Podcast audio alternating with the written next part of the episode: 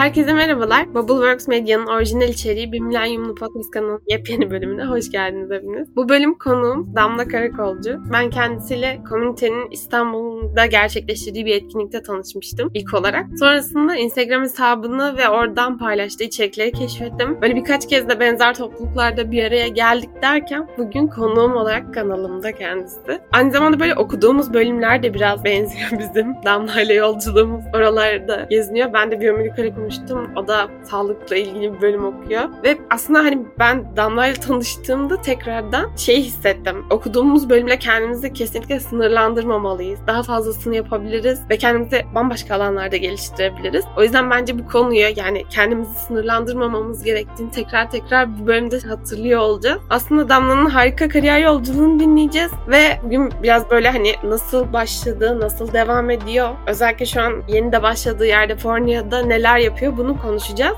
Bir de ek olarak şunu söylemem gerekiyor bence Damla ile ilgili. Şimdilerde böyle ekosistemde hani ne bileyim topluluk yönetimi denince akla gelen bence ilk sayılı gençlerden diyebilirim. O yüzden bugün kanalda olduğu için çok mutluyum. Anlatacakları için de çok heyecanlıyım. Tekrardan hoş geldin Damla. Nasılsın? Selam Canan, hoş buldum. Çok iyiyim, çok heyecanlıyım. Teşekkür ederim beni davet ettiğin için. Küçük bir ekleme yapmak istiyorum. Ben seni çok daha önceden tanıyorum. Çünkü böyle gençlikle alakalı şeyleri çok araştırdığım bir dönemdeydim. Ben de üniversiteye başladığım, daha sonra ilerlediğim dönemde. Ve o dönemde bir milenyumlu kim ya diyerek böyle seni küçük bir araştırdığım zamanım olmuştu. O yüzden şu an bu podcast'ta olmak benim için ayrıca özel ve değerli. Tekrar teşekkür ederim. Ben teşekkür ederim ve mülayimliği daha önce biliyor olman beni çok mutlu etti. O zaman ben biraz böyle senden bahsettim ama hani böyle senden dinlemek bir de hikayeyi o hikayeyi yaşayan kişiden dinlemek çok daha kıymetli tabii. Böyle biraz kendinden bize bahsedebilir misin? Damla kimdir? Bugüne nasıl gelmiştir? Özellikle o şeyden de bahsettim yani işte üniversitede kendimiz bölümle sınırlandırmamamız gerekiyor. Başka kapıları da zorlayıp açabiliyoruz bir şekilde yolunu başka kişilerle, başka insanlarla, başka topluluklarla kesişebiliyor. Bu noktada böyle senin yolculuğun nasıl oldu? Oraları biraz değinebilirsen süper olur.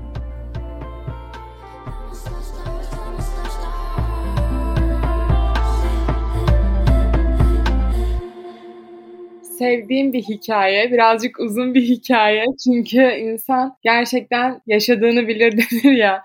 Böyle her detayı o kadar benim şu anki hikayemi oluşturan ve yolculuğumu oluşturan taşlar gibi hissediyorum ki bazen çok detaya bile kayabiliyorum. O yüzden şimdi böyle özetle bir şekilde gelmeye çalışacağım. Ben üniversiteye başladım. Ben İstanbul Üniversitesi'nde moleküler biyoloji ve genetik bölümündeyim. Bu üniversiteye başladım ve ben böyle bir heyecanlandım. Ay neler yapacağız şimdi neler olacak diye. O dönemde İstanbul Üniversitesi Girişimcilik Kulübü'yle tanıştım. Aslında yolumu kaybetmişken tanıştım. Gerçekten üniversite kampüsünün içinde kaybolmuştum ve standlarını gördüm. Bu şekilde tanıştım. Aa girişimcilik mi? Olur deneyelim diyerek başladım. Bir serüven oldu. Daha sonra İstanbul Üniversitesi yine genetik kulübüyle de çalışmaya başladım ve aslında iki farklı pencereden benim ekosistemi tanıma fırsatım oldu. Burada hem girişimcilik tarafıyla girişimleri yakından tanıyordum. İş modelleri nasıl oluşturulabilir görüyordum. Bir yandan da moleküler biyoloji ve genetik bölümümle beraber aslında bilimsel bakış açısını kazandığım bir dönemdi. Ve buradan yola çıkarak da biyo girişimcilik kavramını o dönemde gördüm ve olabildiğince fazla insana yayma misyonunu kendime edindim.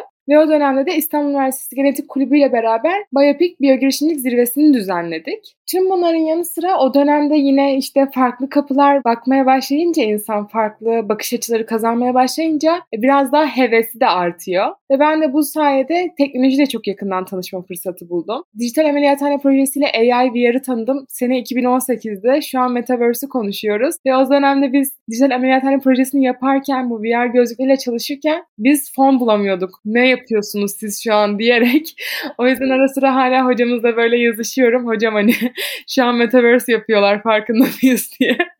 o da böyle güzel bir benim için yine ileriye bakış açısı olarak çok önemli katkılar sağlamıştı. Derken ben dediğim gibi teknoloji tanıştım ve sağlıkta yapay zeka ile ilgilenmeye başladım. O dönemde sağlıkta yapay zeka inisiyatifi kurduk dergisi çıkartmaya başladık. Hem uluslararası hem hakemli. Daha sonra biz sağlıkta yapay zeka kongreleri yapmaya başladık ve bunu Türkiye'ye yayma yolculuğuna başladık aslında. Derken ben sağlıkta yapay zeka tarafıyla çok haşır neşir oldum. E, biyo girişimcilik tarafıyla haşır neşirdim. Sağlıkta yapay zeka eklendi. E, sağlıkta eğer VR teknolojileri eklendi bu halkalara. Ve aslında fark ettiğim şey benim konseptimin böyle hani farklı iki şeyin bir araya gelir mi ya derken bir araya gelebileceğini gösterebilmekti. Daha sonra ben teknoloji tarafını çok sevdim ve oradan devam etmeye başladım. İşte Microsoft'ta ambassador oldum. Daha sonra Google DSC'de İstanbul Üniversitesi'nde kurduk. Orada hem kuruculuğunu hem başkanlığını yaptım derken benim bir de bir yandan ilerleyen teknoloji tarafıyla taşır neşir olan bir damla oldu açıkçası. Bir taraftan da moleküler biyoloji ve genetik. Derken bu sefer Google DSC ile beraber aslında toplulukları daha yakından tanımaya başladım. O sayede aklıma bir girişim fikri diyebilirim. Girişim fikri gelmişti. İşte böyle dedim ki rakip analizi yapayım ya. Kimler var? Kimler daha önce düşünmüş bunu? Düşünmüşler mi yoksa ben mi ilk düşündüm? Ondan sonra derken komüniteyi gördüm. Baktım Fatih çok heyecanlı anlatıyordu YouTube videosunda. Dedim ki ya insanlar yapmışlar. Bunu globale taşımışlar. Zaten ofisleri Amerika'da. İşte hani vizyonları global. Ben dedim burada öğrenebileceğim çok şey varken kendi serüvenime eminim bir şeyler katarım ve benim yapmak istediğim şeyi yapmışlar. Ve daha sonra komünite sürecim başladı ki bunu ilerleyen sorularda detaylandıracağımızı düşündüğüm için hemen geçiyorum. Daha sonra da ardından şimdi Fornia'da Head of CEO Office olarak çalışmaya başladım. Orada da yine topluluk kurmak isteyen markalara danışmanlık yapıyoruz diyebilirim. İşte Web3 tarafına da, da çalışmalarımız var. Böyle kısaca toparlamaya çalışayım çok da bilgi vermeden. Çünkü sorularda gelecek diye biliyorum. Bu şekilde.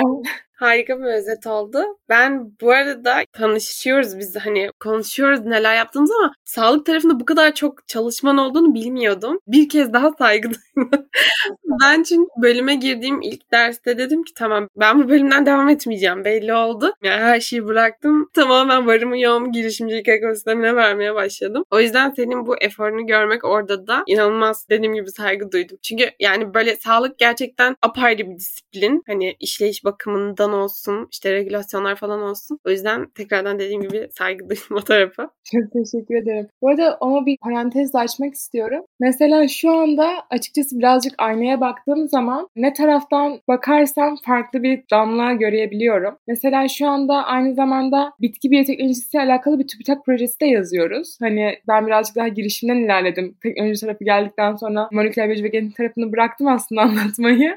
şu an kanal içeriğinden kaynaklı ama orada sürdürülebilirlikle alakalı gerçekten ciddi biyoteknoloji araştırmaları projeleri yürütülüyor İstanbul Üniversitesi'nde. Onlarda da yer alıyorum. Birazcık benimkisi hani moleküler biyoloji genetiği çok isteyerek seçmiştim. Daha fazla alan görüp nasıl birbirlerine bunlar da birleşemez denilen noktada birleştirebileceğime kafa yoruyorum açıkçası. O yüzden bu konuyla alakalı fikirler gelirse aklınıza benimle paylaşmayı unutmayın. Canan özellikle de sen. Evet. Yani senin gibi tecrübeli biriyle yapabilirim zaten bu alandaki bir şeyler yoktu kendi başıma. Dört yıl bitirdim ama ne bitirdim bilmiyorum.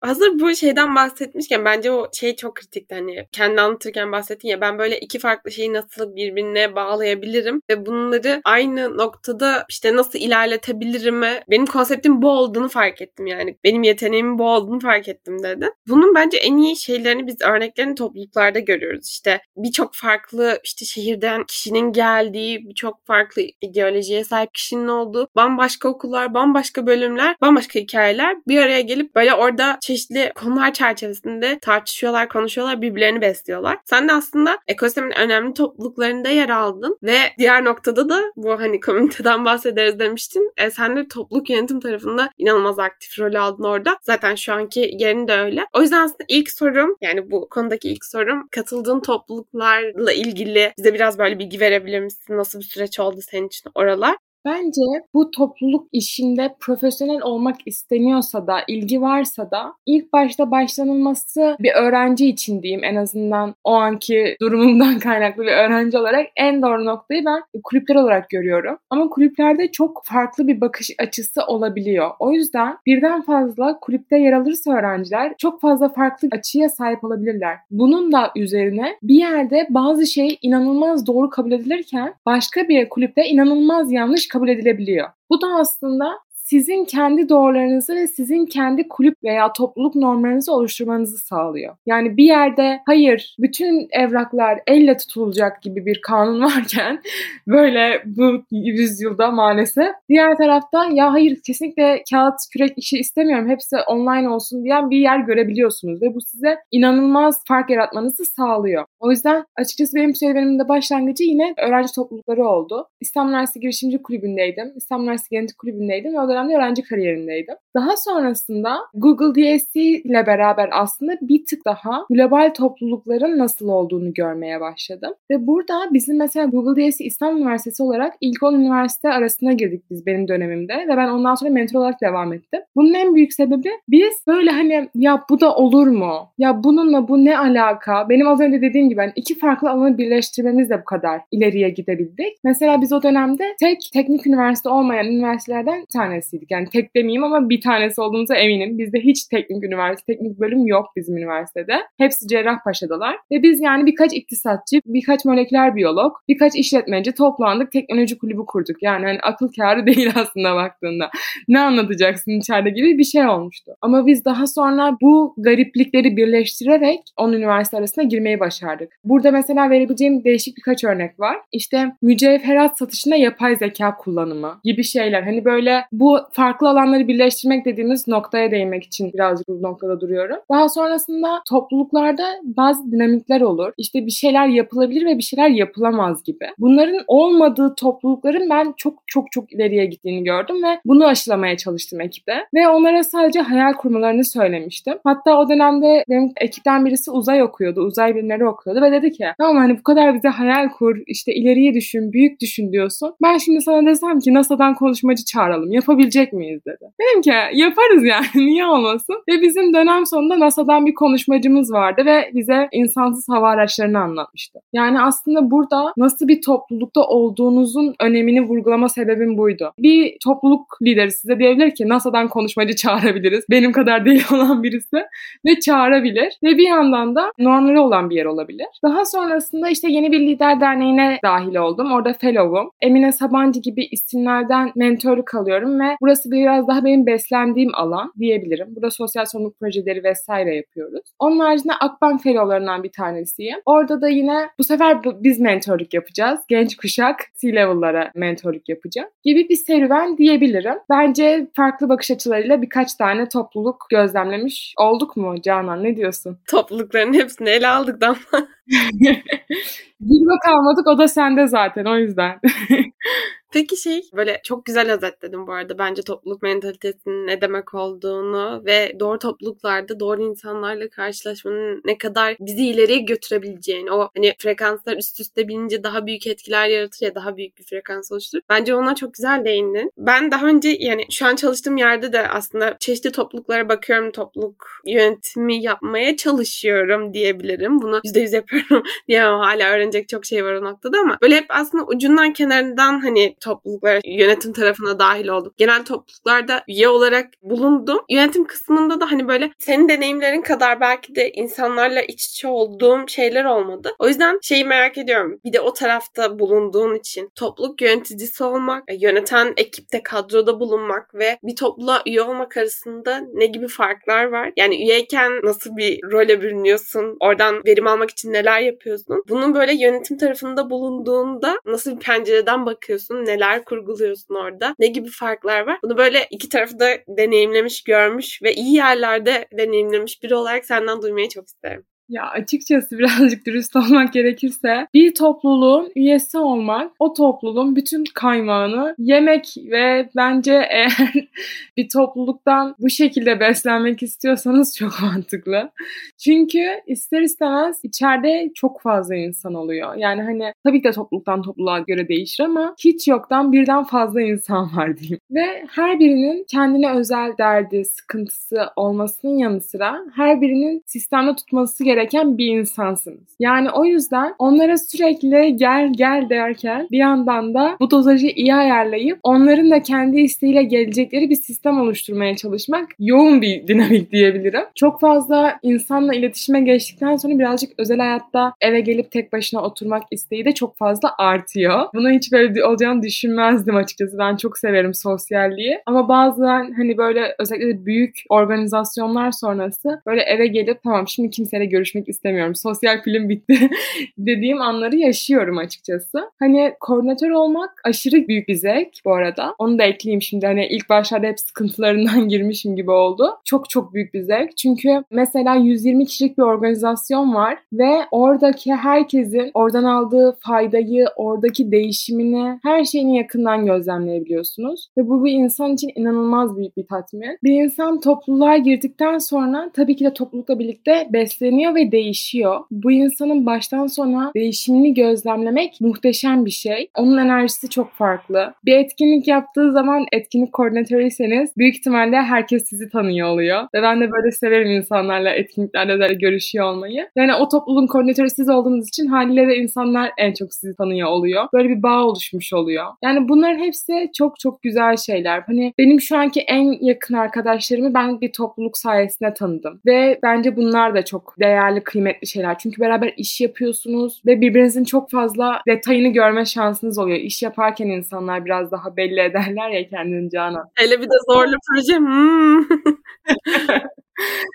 kötü belli etmiyorsa yani o insan artık arkadaşım olabilir anlamına geliyor benim için bir bakıma da. O yüzden mesela toplulukları da çok seviyorum. Ama dediğim gibi üye olan kısım da gerçekten üye olmak bir toplulukta bence çok büyük bir keyif. Şimdi mesela düşünüyorum yeni bir liderde ben topluluğun bir üyesiyim ve bizimle inanılmaz ilgileniliyor. Yani hani ben desem ki bugün işte şu geldi başıma hemen arayıp beni soran bir orada topluluk yöneticisi var. Ya da işte Akbank'ta aynı şekilde bir şey olsa ya da ben bir şey istesem, şöyle bir yardıma ihtiyacım var, destek sağlayabilir misiniz desem yine benim ilk yardımıma koşacak insan topluluk koordinatörü olacak. İyi olmanın da öyle güzel bir yanı var. Hani biraz daha orada pof poflanan mı diyeyim. Sanata geçiyorsunuz ve hani bir şeyler olduğu zaman da size bu verilmek isteniyor. Aynı şekilde ben de yine bir şey olduğu zaman kendi topluluk üyelerime vermek istediğim gibi yani. İki tarafında baktığın zaman böyle güzellikleri var diyebilirim. Harika özetledin. Bence de ikisinde çok artıları da var. Ama iyi olmanın bazı daha büyük artıları olabiliyor dediğin gibi. biraz şey kısmına geçelim istiyorum. Böyle komünitede nasıl işe başladığından biraz bahsetmişti işte. Hani benim böyle bir fikrim vardı. Araştırdım. Rakip analizi yaparken gördüm. Buraya dahil olduğumda benim de alabileceğim, benim de verebileceğim şeyler olduğunu fark ettim ve ekibe dahil oldum dedin aslında. Orada ya anlıyorum ki proaktif bir şekilde sen aslında hani onlarla iletişime geçtin. Hatırlıyorum etkinlikte konuşmuştunuz. O yüzden burada böyle sen proaktif bir rol oynadın bu kariyer petini açarken diyebilirim. Ama eklemelerin olursa çok sevinirim bu alanda. Bir diğer follow-up sorusu olarak da şeyi merak ediyorum. Şu an Fornia'da çalışıyorsun. Fornia'da neler yapıyorsunuz? Sen buraya bu ekibe nasıl dahil oldun? Buradaki yöneticilerle nasıl tanışmıştın? Nasıl yollarınız kesişmişti? Yani aslında biraz eğri oturup doğru konuşalım. Şeyin artık böyle sırlarını ortaya dökelim. bu işler nasıl oluyor? Bu insanlar nasıl tanışılıyor? Ya bu konuda ben birazcık şeyimdir böyle hani birisiyle tanışmak istiyorsam hemen stalker nerede, ne yapıyor? Bir şirketi istiyorsam o şirket nerede, ne yapıyor diye böyle yakın merceğimi alırım ki benim gördüğüm açıkçası bir işte mutlu olmak ya da işte işe alınma ihtimalini arttırmak bunlara çok bağlı şeyler oluyorlar. Ben zaten böyle kendim bildim bileli hep bir şeyi çok isteyip ona odaklanarak ve onun için elimden gelenin en iyisini yaparak hedefime uygun bir şekilde ilerlemeye çalıştım. Komünitede de şöyle oldu. Birazcık aslında benim de böyle bir fikrim var diye de açmak istiyorum yanlış anlaşılmalara sebebiyet vermemek için. Benim o dönemde çok fazla insan yanıma gelip şey diyordu hani Damla böyle bir fikrim var. Ben bu fikirle nereye gideyim? Yani hani şu an fikir aşamasında birazcık zorlanıyorum bu aşamada fon bulmaya, bana inanacak insan bulmaya. Hani mikro bir fonlama yapabilecek. Bana böyle hani öğrenci insanlar da çok büyük paralar istemiyorlar aslında Canan. Hani diyor ki mesela bana 5000 lira verse ben bu projeyi başlatabileceğim ama 5000 liram yok gibi şeyler oluyor. Sayılar oluyor yani bu fiyatlar. Ondan sonra ben de hep nereye yönlendirebilirim diye çok büyük bir soru işaretim vardı açıkçası. Çünkü hani girişimcilik merkezlerine yollasam biraz daha büyük istiyorlar ürünleri veya işte daha büyük fonlamalar yapıyorlar derken ben dedim ki hani daha böyle küçük küçük fonlayabileceğimiz bin lira mı kardeşim buyur bu senin bin TL'n git bununla işte neyini alıyorsan al diyebileceğimiz daha böyle mikro mikro ilerleyebilecek bir şeyler yapmak istiyordum. O dönemde işte aslında komüniteyi gördüm. Komünitenin iş modeli benzer ve aslında bir bakıma da farklı. O biraz daha dijital ürünlere mikrofonlama yapıyor. Böyle bir topluluk. Ve daha sonra işte videoyu izledim. Sonra Fatih Güner oranın kurucusu. Ona LinkedIn'den yazdım. Selamlar. Benim böyle böyle bir fikrim vardı. Sonra bir baktım sizin videonuzda izledim. İşte çok heyecanlandırdı beni. Çünkü gerçekten çok heyecanlandırmıştı ve ben o cevap yazana kadar 3 gün falan uyuyamadım doğru düzgün heyecandan. Ondan sonra işte ekibinizde olarak hani size bir katkı sağlayabileceğim bir nokta varsa ben görev almayı çok isterim yazdım. Ondan sonra işte bana dediğim gibi birkaç gün sonra döndü Fatih. O sırada heyecandan uyuyamamadı dediğim gibi. Ondan sonra işte CV'ni mail atabilir misin? Mail attım. Daha sonra beni bekleme sürecine geçtim. Çünkü o dönemde işte biraz daha şirket ekibini oluşturduğu bir dönemmiş yani. Tam hakim olmadığım için ben de tanımlayamadım. Ve benim o dönem çok uzun bir bekleme sürem oldu. Yani hani ben 3-4 ay bana dönülmesini bekledim ve o dönemde gerçekten hala full odak ben komüniteyi istiyorumdu. Ve hatta seninle işte karşılaştığımız etkinlik ben artık hani baktım İstanbul'a geliyorlar. Etkinlikleri var kolektif hasta. Gittim dedim ki hani bana dönecektiniz. artık size mailden ulaşamadım. Buraya geldim. Bana dönecektiniz yani. Öyle olunca da tabii ki de hani ilk başta LinkedIn'den yazmak bir online mecra. Sonra maile geçildi. Sonra görüşme yapıldı. Sonra dönülmeyince benim işte kalkıp kolektife gidip bana dönmediniz değişim. Bunların hepsi aslında siz ne kadar fark etseniz de fark etmeseniz de verdiğiniz bir emek o iş için. Ve bu emin olun işe alan kişiler tarafından çok net bir şekilde fark ediliyor. Benim komüniteye girmemin en büyük sebeplerinden bir tanesi bu benim bu kadar istekli oluşum ve bu kadar hedefine kitlenmiş bir şekilde araştırma yapıyor oluşumdu bence diyebilirim. Komünite hikayem böyle. Bence çok tatlı bir hikaye. Daha öncesinde ben hazırlıktayken bir işten red almıştım. Ondan sonra yine o eşimle etkinliğine gitmiştim ve demiştim ki beni reddettiniz. Sonra o işe beni almışlardı reddetmelerine rağmen. Gelmişsin burada etkinlikte bizim için, bizi buldun, soruyorsun neden red aldım. Şimdi bunu söyleyince bütün İK'cılar benden nefret edecek çünkü herkes bu etkinliklerde birilerini tutmaya başlayacak. Ama benim tekniğim taktiğim buydu yani bugüne kadar. Fornia hikayesi de aslında az önce bolca bahsettiğim Google DSC'ye dayanıyor. Google DSC'de liderlik yaptığım ve mentorluk yaptığım dönemde Merve oranın topluluk yöneticisiydi ve Türkiye'deki Orta Asya, Kafkaslar tarafındaki Google DSC topluluk koordinatörüydü diyebilirim. Topluluk yöneticisiydi. Biz o zamanlar tanıştık. O zaman iş yapmaya başladık. Yani aslında gönüllü bir topluluktan şu an profesyonel bir işe dönen bir akışımız oldu. O dönemde işte dediğim gibi tanışıyorduk. Daha sonrasında komünite sürecim benim tamamlandıktan sonra Merve ile bir gün konuşuyorduk. Dedi ben Fornia tarafında bir şeyler yapmaya hedefliyorum. Gelir misin? Ben de dedim ki gelirim. Öyle işte bizim Fornia ekibiyle başlangıcımız aslında Google DSC'de gönüllü taraftan başlayarak şu an profesyonel tarafa geçen bir serüvenimiz var. Fornia'da da Web3 alanına girmek isteyen şirketlere ve topluluk kurmak isteyen şirketlere topluluk bazında danışmanlık veriyoruz. Böyle bir modelimiz var. Büyütmeyi, geliştirmeyi de hedefliyoruz diyeyim şöyle küçük bir info olarak. Böyle. Umarım ilgi çekici bir hikaye olmuştur Canan. Heyecanlandırmıştır seni. Harika. Yani şöyle podcast kanalımın ilk bölümlerinde şeyden bahsetmiştim işte. Ya şuraya seçilmedim ama zorladım şöyle oldu sonunda girdim falan. Sen şimdi bunlardan bahsederken tekrardan böyle kapıdan giremediğin yere bacadan zorlamanın ne kadar faydalı olduğunu tekrar tekrar böyle hissetmiş oldum yani. Çünkü dediğin gibi orada bir azim gösteriyor olman, senin proaktif bir şekilde bunu inceliyor olman inanılmaz kıymetli. Yani hani ekibi oluşturanlar tarafından gerçekten çok kaydı değer şeyler oluyor. Keza mesela şeye de değinmen yine çok güzeldi. Ben de bunu bir önceki çalıştığım yerde hani yaşamıştım. Böyle aslında uzun soluklu bir tanışıklığın olunca senin neleri yapabileceğini, neleri öğrenebileceğini ve hızlıca adapte olabileceğini neleri bunları çok iyi görebiliyor aslında ekipteki diğer kişilerde. Mesela benimki de öyleydi. Hani daha önce bir etkinlikte tanışmıştık. Ben onlar için bir yazı yazmıştım ve sonra aslında ekibe dahil olup inanılmaz uzun soluklu bir çalışma süreci geçirmiştik beraber. O yüzden yine hani bu Fornia'daki hikayeni anlatman, beraber tanışıyor olmanız Merve ile bu kadar uzun bir süre ve böyle bir güvenin bugünlere geliyor olması inanılmaz bence kaydı değer. Hani ben bu podcast'i dinliyor olsam ki hani yayınladıktan sonra tekrar dinleyeceğim.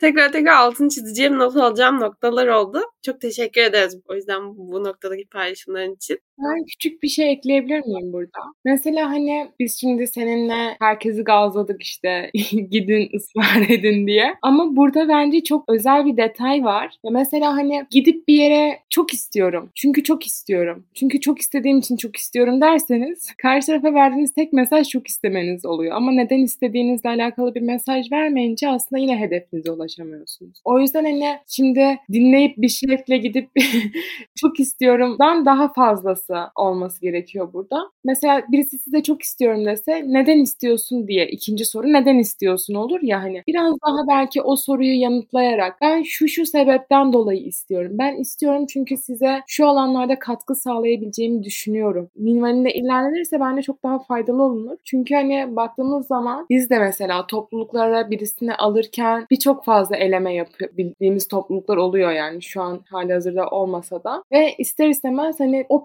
personaya en uygun, senin personeline en uygun insanları içeriye toplamaya çalışıyorsun ki o topluluğun bir dinamiği olsun. O yüzden hani biraz daha araştırıp belki o personaya uygunluğunla alakalı bir girişkenlik gösterebilirsin. Çünkü eminim Canan da gidip sadece çok istiyorum dememiştir ve onun devamı da dolu ve heyecanı da dolu. İşte bununla alakalı bilgi deneyimi de mükemmel olmak zorunda değil ama farkındalık seviyesinde varlığı gibi şeyler de etkin aslında. Bunlara da böyle küçük bir not eklemek istedim açıkçası. Pastaya çilek oldu gerçekten.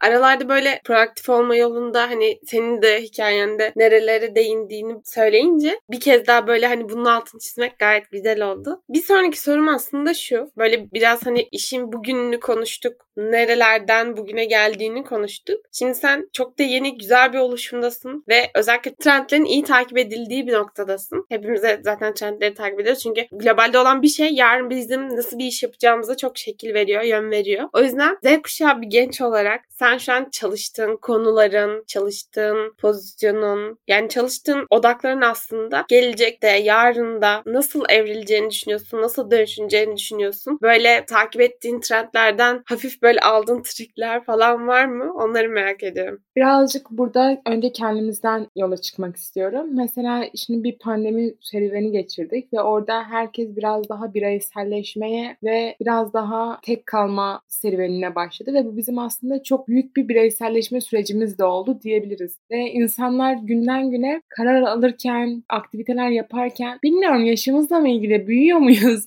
Ama benim gördüğüm şey daha fazla bireyselleşiyor olmamız. Bu bireyselliğin yanında bu geri kalan tatmin duygularını oluşturabilmek amacıyla bu sosyallik tatmin duygularını artık iş, akraba, kuzenden çok böyle aynı fikirleri paylaştığın, aynı belki duyguları beslediğin insanlarla topluluk olmaya doğru ilerliyor. Bireysel serüvenimizde bu aşamada başlıyor aslında topluluklara dahil olmak. Yani sen bir birey olarak bireyselleşiyorsun ama geri kalan iş yapış tarzı, işte kendini ifade etme şekli biraz daha toplulukların içerisine kaymaya başlıyor. Aslında toplumun temelini buradan atıyoruz diyebilirim. Daha sonra bunun bir de teknoloji yüzü var. O da Web3 ile beraber hayatımıza giren bir şey sahip olma hali. Bu sahip olma haliyle birlikte markaları artık müşterileri sadece müşteriden çok biraz daha o markayla ekstra bir bağ kurmak ve sahiplik hissini de bir nevi tamamlamakla beraber geliyor. Umarım kelimelerimi doğru seçip düzgün bir şey oluşturabiliyorumdur Canan.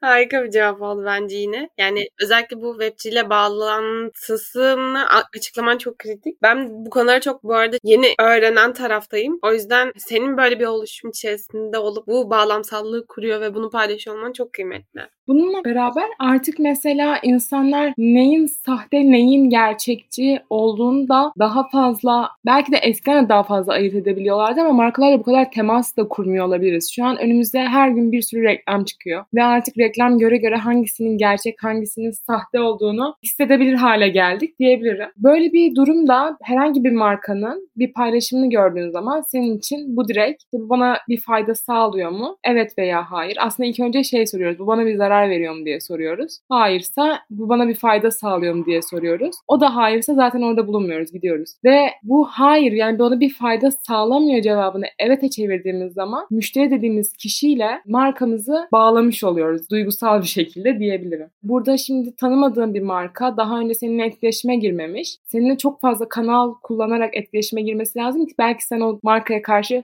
kendini biraz daha ait hisset. Ama bu da çok mümkün olan bir şey değil aslında. Topluluklar da burada bu açıdan çok önemli bir yer alıyor. Çünkü sen eğer bir markanın topluluğundaysan o markaya karşı bir aidiyet hissin oluşuyor ve o markanın reklamını gördüğünde, o markanın paylaşımını gördüğünde dikkat etme oranın daha fazla artıyor o marka hakkında senin yanında kötü bir şey konuşulmasını istemez hale bile gelebiliyorsun. Bunlar markalar için çok çok çok önemli aslında müşteri davranış farklılığı. İşte bu bir de Web3 tarafının heyecanlı yükselişiyle beraber muazzam bir hale geldi diyebilirim. Az önce dediğimiz gibi pastanın çileği şeklinde gerçekleşti. O yüzden ben bu tarafla alakalı hem markaların hazırlanması hem de müşterilerin bence müşteri demeyeyim insan diyeyim artık birey diyeyim kendine hazırlanması hazırlaması gerektiğini düşünüyorum. Böyle bir yakın takibe alırdım mesela ben yakın zamanda. Bakalım hangi en sevdiğim marka topluluk kuracak diye. O topluluğa etkilenenlerden bir tanesi olmak da farklı bir program akışı varsa avantaj sağlayabilir. O yüzden hem böyle marka olarak topluluk nasıl oluşturabiliriz diye düşünmemiz gereken bir vakit hem de birey olarak hangi marka topluluk kursa diye böyle yakın merceği almamız gereken bir dönem bence. Geliyorlar. Ben söyleyeyim. Geliyoruz. Ben bu zamana kadar yani şu, şu dakikaya kadar tüm cevapların için çok teşekkür ederim. Dediğim gibi hem hikayende benzeşen noktalar fark ettiğim için böyle tekrar tekrar bazı şeyleri ne kadar değerli olduğunu, ne kadar denememiz gerektiğini tekrar gördüm. Bir yandan da böyle hiç bilmediğim tarafları da vardı hikayende böyle ekosisteme dair. Oraları da böyle dediğim gibi kendim için zaten benimle alakalı konularda böyle bir sürü notlar aldım. Bence dinleyenler için de zaten çok çok kıymetli. Böyle yavaş yavaş kapanışa geçerken benim her seride seri sonlarında sorduğum böyle kısa, biraz eğlenceli, biraz geyik sorular oluyor. Onlarla devam ediyorum şimdi. Bu zaten bölüm boyunca toplulukları konuştuk. O kısımla ilgili de olabilir. Yakın zamanda böyle keşfettiğim bir uygulama, tool ya da katıldığım ve çok beğendiğim bir topluluk var mı? Varsa bizimle bunu paylaşır mısın? Bu son dönemde açıkçası Paribu'yla tanıştım ve Paribu'nun şu anda kurmaya başladığı bir topluluk da var. Paribu Hub adında. Onu da takip edebilirsiniz. Hem topluluk tarafında hem de uygulamasıyla birlikte bizi blockchain ve Web3 dünyasına daha da ısındıracak bir hem uygulama hem de bir topluluk olarak görüyorum. Bu yakın zamanda da tanıştım diyebilirim açıkçası. Bir hackathonlarına katılmıştım. O yüzden böyle daha samimi olduk hissiyat olarak. Bunu önerebilirim. Harika. Ben bunu daha önce duymamıştım bu arada. Yani Haribo Hub'ı duymamıştım o yüzden ben de mutlaka inceliyor olacağım. Bir diğer soruma geçiyorum. Bu aslında şey hani böyle içten içe yaptığımız, yakın çevremizde belki paylaştığımız, belki paylaşmadığımız şeyler oluyor tabii ki. Senin böyle aslında bir guilty pleasure'ın var mı? Bu bir atıyorum şarkı da olabilir, şarkı ya müzik türünü dinlemek de olabilir ya da bir uygulamayı kullanmak da olabilir. Böyle bir şey var mı? Ben bir TikTok bağımlısıyım. Mertçe, dürüstçe. yani şey gibi oldu, dert sofrası gibi oldu bir de.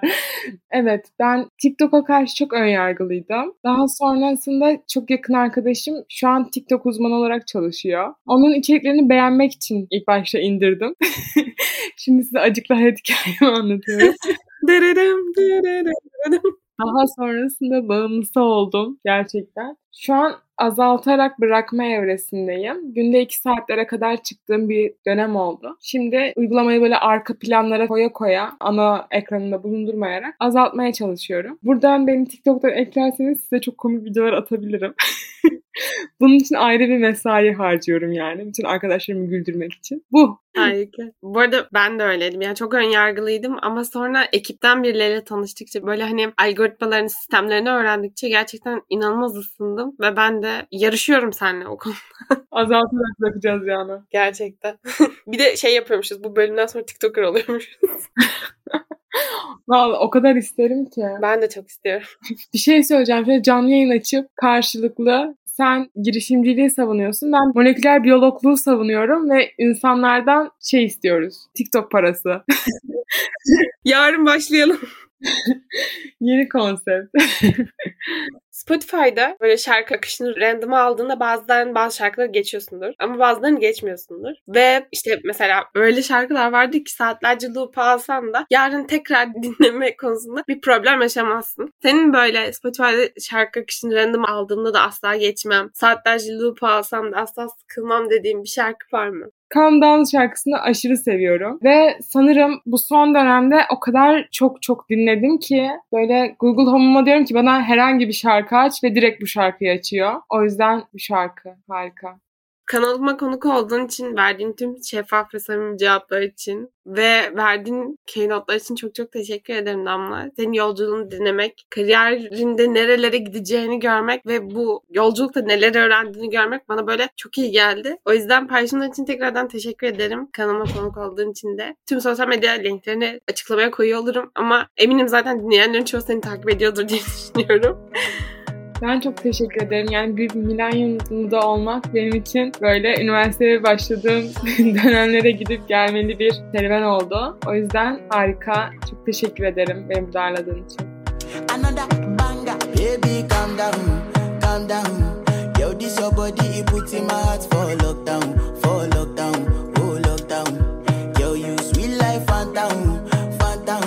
I tell you, say I love you.